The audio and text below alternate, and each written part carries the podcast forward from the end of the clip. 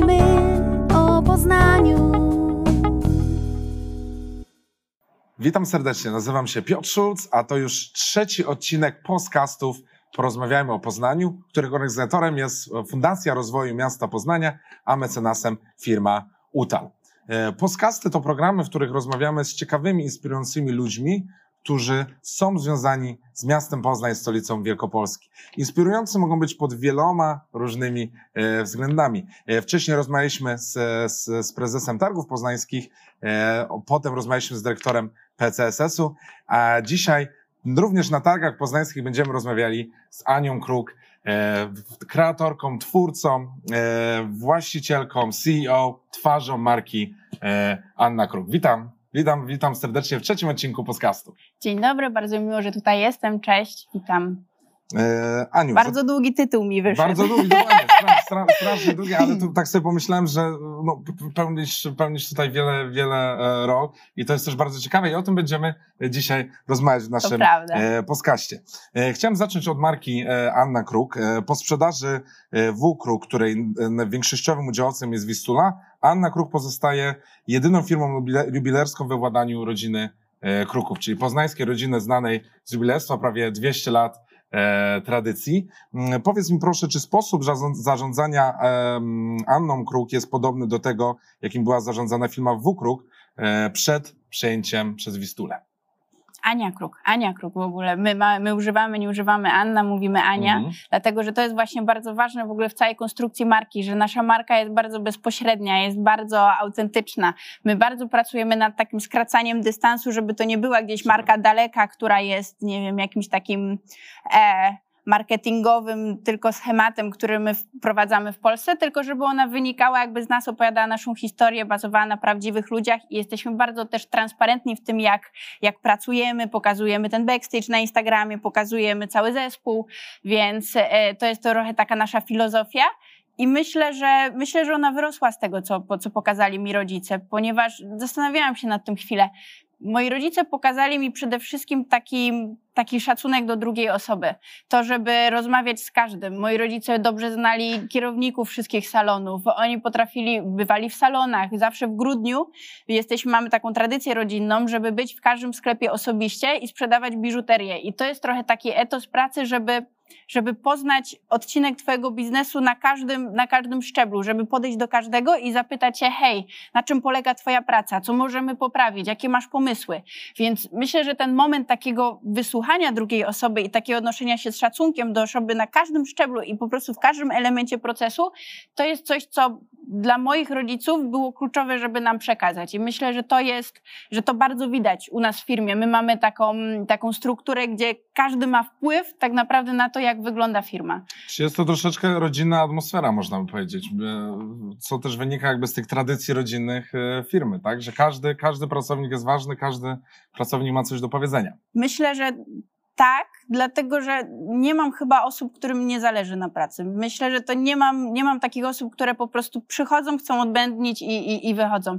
Udało nam się stworzyć taki klimat, gdzie naprawdę każdemu zależy, właśnie dlatego, że każdy czuje, że, że ma wpływ na to, jak wygląda firma. To jest super, bo teraz właśnie na, na Instagramie na przykład do mnie piszą dziewczyny, które kiedyś pracowały u nas w butikach, już u nas nie pracują z jakichś tam powodów i, i właśnie to jest to, co wspominają. To, że my przyjeżdżaliśmy do nich, rozmawialiśmy, zadawaliśmy pytania i one czuły, że naprawdę jak nam coś powiedzą i przekażą, to, to zmienią, tą, zmienią tą firmę i zmienią, zmienią tą rzeczywistość, w której funkcjonują. Tak, to jest, Więc to jest- to jest fenomenalne. ważne. To, to, to, jest, to jest fenomenalne. A powiedz mi proszę, mm, niedawno powiedzieliśmy Dzień Kobiet. Wydaje się, że jesteś pierwszą kobietą w rodzinie Kruków, e, która ma realny wpływ na działanie firmy, a nie jest to do końca prawda. Jest też przecież e, babcia Helena. Udało mi się gdzieś wyczytać jeden z twoich poprzednich wywiadów o, o, o babci Helenie. O, o, opowiedz proszę o niej, bo to jest też bardzo ciekawa postać e, w rodzinie e, Kruków, znanej tutaj e, w całym Poznaniu. No akurat trafiłeś na tego przedstawiciela rodziny Kruków, który najmniej lubi historię. Jakbyś tutaj miał mojego tatę, to teraz to byśmy stąd nie wyszli jeszcze przez 40 minut, po prostu opowiadając po kolei o babci, o dziadku e, i tak dalej. Prababcia Helena, czyli mama mojego dziadka, ona faktycznie była ważną postacią, ważną postacią w historii naszej rodziny, dlatego że to ona była tą bizneswoman. Pradziadek Władysław, on był, on był artystą, on był rzemieślnikiem, on tworzył te wszystkie tam kielichy, srebrne, te e, srebrne sztućce, biżuterię dla szlachty i tak dalej, ale, ale on tworzył i potem jakby go nic nie interesowało. To jak A to- typowy artysta. Często tak jest z artystami, prawda, że oni mają tą sferę kreatywną bardzo rozwiniętą, a tą sferę biznesową niekoniecznie, można No i właśnie powiedzieć. tutaj wchodziła babcia, prababcia Helena, która sprawiła, że ten warsztat się kręcił, że te zlecenia przychodziły, że jakby wszystkie e, rachunki się zgadzały, więc, więc stanowili taki trochę do, dobry kombajn. I to właśnie był pradziadek Władysław, od którego w ogóle się wzięła nazwa W-Kruk, czyli jakby W-Kruk to nie jest Wojciech Kruk, tak jak mój tata, tylko to jest właśnie ten Władysław, który w tym XIX wieku z Heleną ten mały warsztat w Poznaniu prowadzili.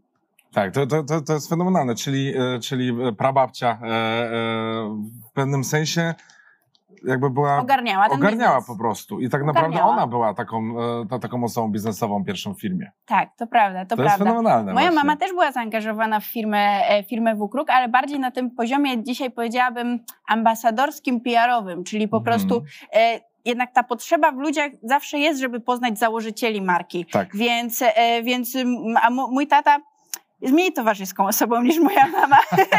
Więc no moja mama wzięła na siebie tą rolę na przykład prowadzenia spotkań z klientami, e, nie wiem, wręczenia jakiejś nagrody, kiedy była sponsorowana Mhm. przez firmę, więc ona była tą taką nieformalną ambasadorką, żeby też dać ludziom okazję, to oczywiście nie były czasy social media, ale żeby poznać założycieli czy właścicieli firmy. Tak, to bardzo, bardzo ciekawe, jak różne role e, kobiety e, pełnią w waszej rodzinie, prawda? To wszystko gdzieś tam w pewnym sensie ewoluowało i, i, teraz jest, jest, jest twoja marka. Ale zostańmy przy temacie mm, kobiet. Poznań to miasto warte poznania, poznają wspaniałych kobiet, e, które są z tego miejsca. Która kobieta ze stolicy Wielkopolskiej jest dla ciebie największą inspiracją? Też się na ten temat zastanawiałam, jak mi podesłałeś te pytania i kurczę, powiem tobie, że ja jestem, ja jestem bardzo słaba, żeby wskazać takie jedno guru i, i, i dla mnie inspiracja to jest bardzo mocne słowo, bo to znaczy, że to jest osoba, która ma wpływ na moje Mhm. życie, która coś mówi, ja słucham i gdzieś się nad tym zastanawiam Tak, i zmieniam moje życie. mentorem. A taka osoba, którą na przykład podziwiasz gdzieś tam i która może być gdzieś tam. Czekaj, bo ja mam odpowiedź, Jest ja mam myśl, odpowiedź, myśl, bo ja się myśl. zastanowiłam, ja mam. I doszłam po prostu do wniosku, że, że moją inspiracją, i to może zabrzmieć trochę marketingowo, ale to, ale to jest prawda, są najbardziej dziewczyny, które mam u mnie w zespole, bo, bo my właśnie pracujemy na takiej ciągłej wymianie myśli i na takiej konfrontacji bardzo różnych osobowości i kompetencji, bo e, ja lubię otaczać się ludźmi, którzy są bardzo różni ode mnie i właśnie z, tej, z tego zderzenia tych różnych osobowości są największe inspiracje. I jakbym miała powiedzieć, kto ma na mnie naprawdę wpływ, to, to po prostu mają moje dziewczyny, które mam w zespole, moi współpracownicy. I to jest piękna odpowiedź. Jest, a macie, masz więcej kobiet Gdzieś w zespole, mówiłam, czy więcej mężczyzn? Masz więcej kobiet z, z, w swoich zespołach jakby w całej firmie, czy więcej mężczyzn? Boże, 90% kobiet. 90%, 90% kobiet. kobiet. To jest trochę, jest, jest trochę, jest trochę tych inspiracji. Mam Jest trochę, trzy sztuki. czy jest to zdecydowanie zdominowana przez kobiety, Tak, przez tak, kobiety tak. firma. No to, no to jest faktycznie e, trochę tych ciekawych kobiet, które no, też mogą być inspiracją wzajemnie dla siebie i, i dla ciebie przede wszystkim jako, jako szefowej. I to jest najbardziej uczciwa odpowiedź, bo one naprawdę mają na mnie wpływ. One coś mówią, ja się zastanawiam i mówię, kurde, faktycznie, mają rację. A tak jakbym miała powiedzieć kogoś wybrać z zewnątrz, to okej, mogę tobie rzucać przykładami bizneswomen, których czytam jakieś książki amerykańskie, CEO i tak dalej, ale, e, ale jednak taki autentyczny wpływ tutaj na miejscu, to to są, Okej. to są zdecydowanie dziewczyny Czyli, że poznać zespołu. Poznaniu trzeba się ubrać do salonu, a nie kruk tutaj. Też. Też, do naszego butiku, zapraszam. Jak najbardziej, jak najbardziej. E, słuchaj, a powiedz mi proszę, e, właśnie rozmawiamy o tych inspiracjach. Skąd bierzesz inspirację do tworzenia biżuterii? Bo już tę biżuterię tworzysz od wielu, wielu lat i cały czas jesteś kreatywna, cały czas motywa- masz motywację do tworzenia e, nowych rzeczy. Jak to robisz? Wiesz co, ja jestem, ja wbrew pozorom nie jestem bardzo kreatywnym człowiekiem, a raczej analitycznym. Więc moja, e, moja inspiracja, czy gdzieś tam moje, moja siła do działania polega na tym, że ja ciągle analizuję to co, to, co widzę dookoła. Czyli moja praca polega w ogóle na takim łączeniu kropek. E, ja zbieram dane, zbieram różne raporty, zbieram różne analizy, zbieram różne obserwacje, obserwuję ludzi, zbieram informacje z rozmów, rozmawiam ze wszystkimi dookoła, wszystkiego wszystko się pytam i z tego gdzieś mi przychodzą nowe pomysły ciągle do, ciągle do głowy. Czyli myślę sobie, kurczę, Teraz musimy, mm, pracujemy też na pewnego rodzaju segmentach klientów i sobie podzieliliśmy, stworzyliśmy sobie pięć takich postaci, które są takimi naszymi modelowymi klientami i po prostu myślimy o nich, co chcemy im zaproponować. Te nasze postacie to jest na przykład Jan Niezdecydowany, Agata Biurowa i po prostu mamy takie narysowane postacie i, i o nich myślimy, kiedy, kiedy projektujemy, czy kiedy proponujemy jakieś, jakieś fajne kolekcje, czy jakieś nowe dropy Mhm. biżuterii, ale też o nich myślimy, kiedy projektujemy kampanie marketingowe, kiedy mówimy, chcemy coś zrobić dla, dla biurowej Agaty, co jest dla niej ważne, czy dla niej jest ważne to, czy to. Chcemy coś zrobić dla Instagirl, to jest taki nasz inny segment klienta. E, co jest dla niej ważne, czego ona by od nas oczekiwała, czego ona szuka w relacji z Macie naszą różne marką. segmenty, do których trafiacie. Tak, mamy sobie, zaprojektowaliśmy kilka takich postaci, takich buyer persona, do których, o których myślimy, projektując i nasz produkt, i nasze rozwiązania. Więc y, to jest taki ciągły proces. A poza tym też mam, kurczę, naprawdę, mm, ja mam cały dział kreatywny i więc ja się zupełnie nie muszę martwić brakiem pomysłów, bo ja mam od tego ludzi. Oni, są tam zawsze dla ciebie. Ciebie. Ale decyzja należy na koniec y, do ciebie, prawda? Którą kolekcję wypuszczamy, do kogo trafiamy. Tak, tak, oczywiście, oczywiście. Ja jestem tym takim. Mm, je, moją rolą jest zapewnić spójność naszych działań. Czyli moją rolą jest właśnie być tym sitem i mówić, to robimy, tego nie robimy. Jeśli zrobimy za dużo rzeczy na raz, to nie zrobimy tego dobrze. Więc to moim. Ostatnio słyszałam właśnie jednego z tych, chyba to był CEO Twittera, który mówił, że on uważa, że, że jego rola to jest jak taki redaktor naczelny, że on po prostu musi wybierać te najlepsze pomysły, które Tak. rozwija i ucinać te rzeczy, które tylko będą rozpraszaczem. I to jest, to jest właśnie moja rola u Na nas tym polega bycie szefem w pewnym sensie, prawda? Że tych pomysłów jest bardzo dużo, ale wszystkich nie możemy zrealizować. Musimy wybrać Tak. te pomysły, które będą mm, najbardziej korzystne dla, dla marki, prawda? A jeśli będziemy wypadku. próbować robić wszystko, to po prostu zrobimy to źle, więc... Tak. y, więc Albo część rzeczy przynajmniej i, ta, i to się przełoży na, na całość działania firmy. Mhm. To e, ba, bardzo, bardzo ciekawy temat, o którym mówisz. Mm, Właśnie a propos pomysłów na, na ekspansję chciałem teraz z tobą porozmawiać i, i chciałem e, wspomnieć o salonie, który otworzyłaś parę lat temu w Katarze. Dość Mhm. egzotyczny, e, Tak, e, egzo, egzotyczny historia, teren, dobra nieznany dla, dla polskich firm w pewnym, Mhm. w pewnym sensie. Mm, I z tego co wiem, e, niestety tego salonu już e, nie ma w Katarze. Nie ma. To jest właśnie też taki przykład takiej historii, jakby Katar to była dla nas super przygoda. To jest w ogóle historia jak z bajki. Po prostu szejk z Kataru wszedł do naszego butiku w Galerii Mokotów, powiedział ja to chcę, załatwię, moi chłopacy mi to przywiozą historia, do tak. Kataru, ja chcę ten butik mieć u mnie w Katarze. E, no, i, no i otworzyliśmy, spoko. ale, e, ale to jest też taki przykład, jak się czyta o, o strategiach tych największych firm, to bardzo ważne jest to, żeby skupiać się na swojej drodze i nie dawać się zboczyć z drogi poprzez możliwości, które gdzieś się pojawiają, ale które tak naprawdę nie są wpisane w twoją strategię. I właśnie ten Katar to była taka przygoda, która gdzieś my, okej, popłynęliśmy z prądem, otworzyliśmy ten Tak. sklep w Katarze, ale tak naprawdę to nie była, to nie była nasza droga i dlatego też ten, ten rozpęd w którymś momencie wygasł. Jak się zaczęły, jak się pojawiły jakieś problemy z tym partnerem, partner mówił, że otworzymy osiem sklepów w dwa lata, potem się okazało, że dalej jest tylko jeden, a tam trzeba mieć partnera, żeby prowadzić, e, Tak, to żeby nie jest takie proste, sklepy. wejść tam na rynek, oczywiście. Nie, nie, to- tak z różnych względów Mhm. prawnych i administracyjnych to jest po prostu niemożliwe. E, więc, więc kiedy się okazało, że, ta, że, że zaczynają się pojawiać po prostu pewne przeszkody, to my wróciliśmy do, do naszego kierunku i do tej naszej strategii, którą, którą mamy wymyśloną na, na Polskę i na ten nasz lokalny rynek. Czyli powiedz mi, po tym doświadczeniu uważasz, że, że właśnie trzeba się skupić na, na strategii lokalnej, że Polska to jest to miejsce, gdzie, gdzie na razie y, będziecie działać? Myślę, że to bardzo zależy od Twojego modelu biznesowego i od Twojego produktu. Są Mhm. produkty, które są od początku zaprojektowane, żeby działały globalnie, a są produkty, które są zaprojektowane, żeby działały lokalnie i musisz po prostu.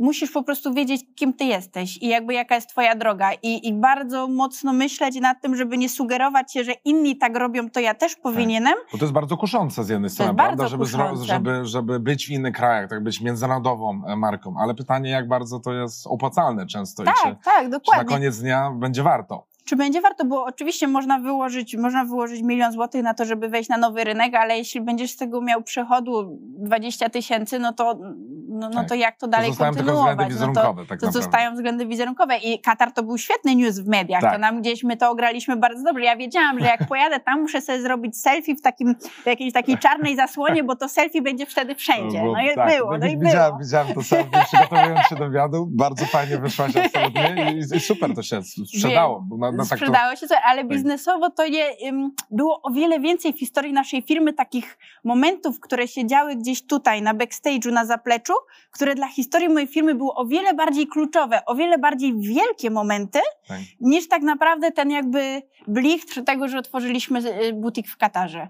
Więc to jest właśnie to, No. że coś innego to jest ten blichtr i to, że takie wow, Katar, a co innego to jest to, co naprawdę generuje Jakieś przełomowe wartość. kamienie milowe w Mhm. historii, w historii marki. E, wyczytałem z, jednym z twoich wywiadów e, taki cytat. Pokazuje biżuterię tak, jak się nosi na co dzień. Nie ma e, zrobionej w Photoshopie e, modelki, która ma 1,80 wzrostu i super nogi, tylko ta biżuteria jest pre- prezentowana na mnie. Jestem niska, mam krótkie nogi, duży uśmiech, grzywkę. I to mnie bardzo, bardzo zaciekawił ten cytat, bo też mam wrażenie, że jak patrzę na Instagram, na to, co się dzieje w mediach społecznościowych, no to właśnie jest, jest pełno tego Photoshopa, jest, jest pełno ludzi, którzy nie są, nie są prawdziwi. Ja A myślę, ty jesteś prawdziwa w swojej komunikacji. Może to jest siła e, tej marki. Zdecydowanie. To jest, to jest też w mojej ocenie e, trochę nowy format w przyszłości, jaki, jaki, w jaką stronę marki powinny się rozwijać. My już, e, my już trochę wyrośliśmy z tego, żeby dać się nabrać na takie właśnie, na tego Photoshopa, Tak. na te takie właśnie jest wystylizowane sztuczne Tak, marki. już, już Jesteśmy wiemy. już zbyt świadomymi Tak. tymi konsumentami, więc to, co my cenimy teraz, to jest właśnie ta prawda, to jest ta transparentność, to jest to, żeby pokazać zespół, to jest to, żeby pokazać backstage, to jest to, Mhm. żeby mówić, żeby się dzielić wiedzą. Już nie ma tego, to co, to, co teraz się podoba, to, co teraz jest dobrze odbierane, to jest to, kiedy ty się dzielisz i mówisz, to mi wyszło, a to mi nie wyszło. Już wcale nam nie imponuje ktoś, kto, kto jakby tylko pilnuje tych swoich sekretów i, i jakby mówi, ja jestem super bohaterem i mi wszystko wychodzi. Więc e, ta prawdziwość jest dla nas bardzo ważna. Ja się tobie przyznam, że oczywiście na początku też pozowałam, bo budżety były mniejsze. Teraz dalej kontynuujemy tą linię, bo dla nas jest bardzo ważne, jak sobie przejrzysz e, nasze zdjęcia właśnie na Instagramie, żeby nie brać do, do zdjęć i do kampanii typowych takich typowo pięknych, ślicznych dziewczyn. Tak. U nas takich dziewczyn nie ma. U nas są dziewczyny, które, które mają charakter. U nas jedna, która jest oversize, druga, która z kolei może nawet za chuda, jedna, która jest e, ciemna. Mamy e, również mieliśmy dziewczynę o innym odcieniu skóry. Mieliśmy bardzo dużą Ale to różnorodność jest piękna ta dziewczyn. różnorodność, bo takie ale- też są kobiety, prawda? One nie są Dokładnie. wszystkie jak, jak widzimy, bo mam wrażenie, że na Instagramie jest taki jeden, jeden typ trochę czysto kobiet i one wszystkie jak gdzieś Tak. tam wpadają ten sam. I jeszcze ten jak, sam jak, jak pracujesz z modelkami, to połowa jest jakby zoperowana, więc jeszcze bardziej tak samo wyglądają. Więc, e, więc my się staramy, e, staramy się po prostu brać dziewczyny. To jest bardzo ważne też dla całego mojego zespołu, żeby pokazywać właśnie tą różnorodność i pokazywać, że możesz być kim chcesz i wyglądać jak chcesz i że to jest fajne, to jest okej. Że właśnie ta, ta różnorodność tych charakterów, tych typów urody jest dla nas bardzo ważna. Tak, to jest, to jest myślę, że duży, duży sukces e, twojej I marki. naprawdę nie znajdziesz u nas takich zdjęć, takiej, e, takiej słodziutkiej, wystylizowanej, wyfotoshopowanej dziewczyny. Po prostu tego nie ma w mojej marce, bo, bo nam się po prostu to nie podoba. My nie chcemy takiego świata budować. Super, bardzo mi się to podoba. Em, powiedz mi proszę, jak pandemia zmieniła e, twoją markę, twoją firmę? Już mamy właściwie rok. Już rok, już rok. Od początku, od początku pandemii. Em, Wiem, że e, twój tata e, bardziej optował przez długi czas za, za tradycyjną sprzedażą, a ty byłaś taką osobą, która właśnie ch- chciała się otworzyć stronę, e, w stronę e-commerce. No i chyba to się bardziej teraz opłaca e-commerce, prawda? Niż, No niż mój tata, tradycyjne. jeśli, jeśli robiłeś research tych wywiadów, to kiedyś rzucił 70 sklepów na 70. E, no, i, no i na szczęście nie mamy tych 70 sklepów. To było dość, dość trudne w utrzymaniu, prawda? Bo widzimy, że takie duże, duże marki teraz właśnie zastanawiają się, czy, czy nawet kompletnie nie wyjść z galerii handlowych na Mhm. rzecz właśnie e, sprzedaży w internecie. Tak, no połączyły się jakby dwa trendy. Po pierwsze ten trend właśnie na tym, na ciągle rosnący rynek e-commerce'owy, a po drugie pandemia, która była tym katalizatorem, który przyspieszył wszystkie procesy. My przez pandemię przeszliśmy całkiem okej. My mamy dalej wzrosty, my mamy e, wyższą rentowność niż w zeszłym roku, wyższą sprzedaż niż w zeszłym roku, e, dlatego, że my mamy bardzo zrównoważony model biznesowy. E, ja bardzo dbam o to, projektując firmę, żeby nie być przywiązanym ani do jednego klienta, ani do jednego kanału przychodów. My mamy różne kanały przychodów, co najmniej pięć. My mamy sklepy, my mamy punkty partnerskie, my mamy sprzedaż online, my mamy sprzedaż online w punktach partnerskich, na przykład e, w kilku marketplaces. E, my również sprzedajemy na lotniskach. E, My również mamy rozwiniętą sprzedaż B2B, czyli robimy takie piękne kampanie marketingowe i deale dla firm. Tak, robimy jest- gadżety dla pracowników, na jubileusze, na, i, i to rozwijamy też coraz bardziej. Robimy bardzo bardzo, bardzo fajne kampanie dla bardzo fajnych firm. Więc y, kiedy przyszła pandemia, to się okazało, że z tych wszystkich klocków, które gdzieś mamy, okej, jeden spadł, ale drugi wzrósł. Tak, no bo to, ten o czym mówisz, że spadną, to niestety- właśnie te lotniska, prawda? To, to, jest, to jest kanał, największy który dramat, bardzo, tak. bardzo ucierpiał, ale znowuż ta, ci, ci pewnie e, inni, inni partnerzy, e-commerce, sprzedaż Mhm. poprzez sklep internetowy, no to to pewnie wzrosło, tak? I tu, tu Tak. obserwujemy. My jesteśmy, my umiemy na razie jesteśmy jeszcze też na tyle elastycznym zespołem, że umiemy bardzo, bardzo też dynamicznie reagować, więc po prostu przerzuciliśmy dziewczyny na przykład z zamkniętych butików poznańskich, przyszły po prostu pomagać przy, e, e, przy pakowaniu zamówień, przy przygotowaniu zamówień i e-commerce. Z kolei zrobiliśmy też bardzo fajny, bo oczywiście dla każdego biznesu te zamknięte sklepy to, to, był, to był problem. No co, co zrobić? Masz na utrzymaniu 30 Tak. osób, które nie mogą iść do pracy. W moim przypadku 30 osób. Nie chcę sobie wyobrażać, ile osób, ile tysięcy Tak, tych dużych- osób w tych mhm, dużych sieciach. mhm. E, Więc ta nasza skala pozwoliła nam, mm, pozwoliła nam dobrze reagować. My na przykład zrobiliśmy bardzo fajny projekt, z którego jestem dumna, takiej burzy mózgów, projektów dodatkowych, które możemy zlecić dziewczynom, a przez to, że pracujemy w chmurze, jesteśmy przyzwyczajeni, przyzwyczajeni do pracy zdalnej, bo ja na co dzień mieszkam w Hiszpanii, więc jakby moja, moja, mój zespół jest bardzo przyzwyczajony do pracy zdalnej. Przyszła pandemia, przyszły home office'y, to jakby zaczęliśmy działać Tak. jakby nigdy nic, e, bo dla nas to nie była duża zmiana.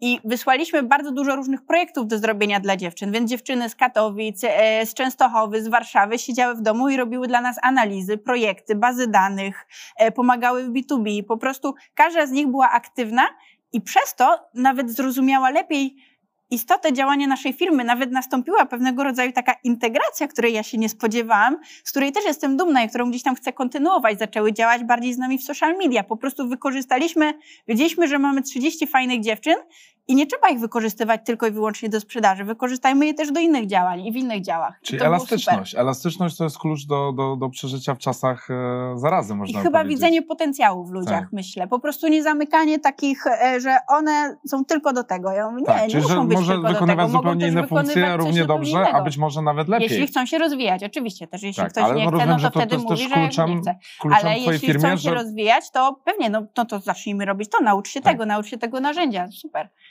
Tak, to, to, to, jest fenomenalne. A powiedz mi, mm, twoja marka za 5 lat. E, już mam, miejmy nadzieję, że pandemia się w to skończy. Sobie, tego nie sobie życzymy, nowego. absolutnie. E, jak widzisz swoją markę za, za, za 5 lat? Czy to bardziej będzie ewolucja, czy może rewolucja?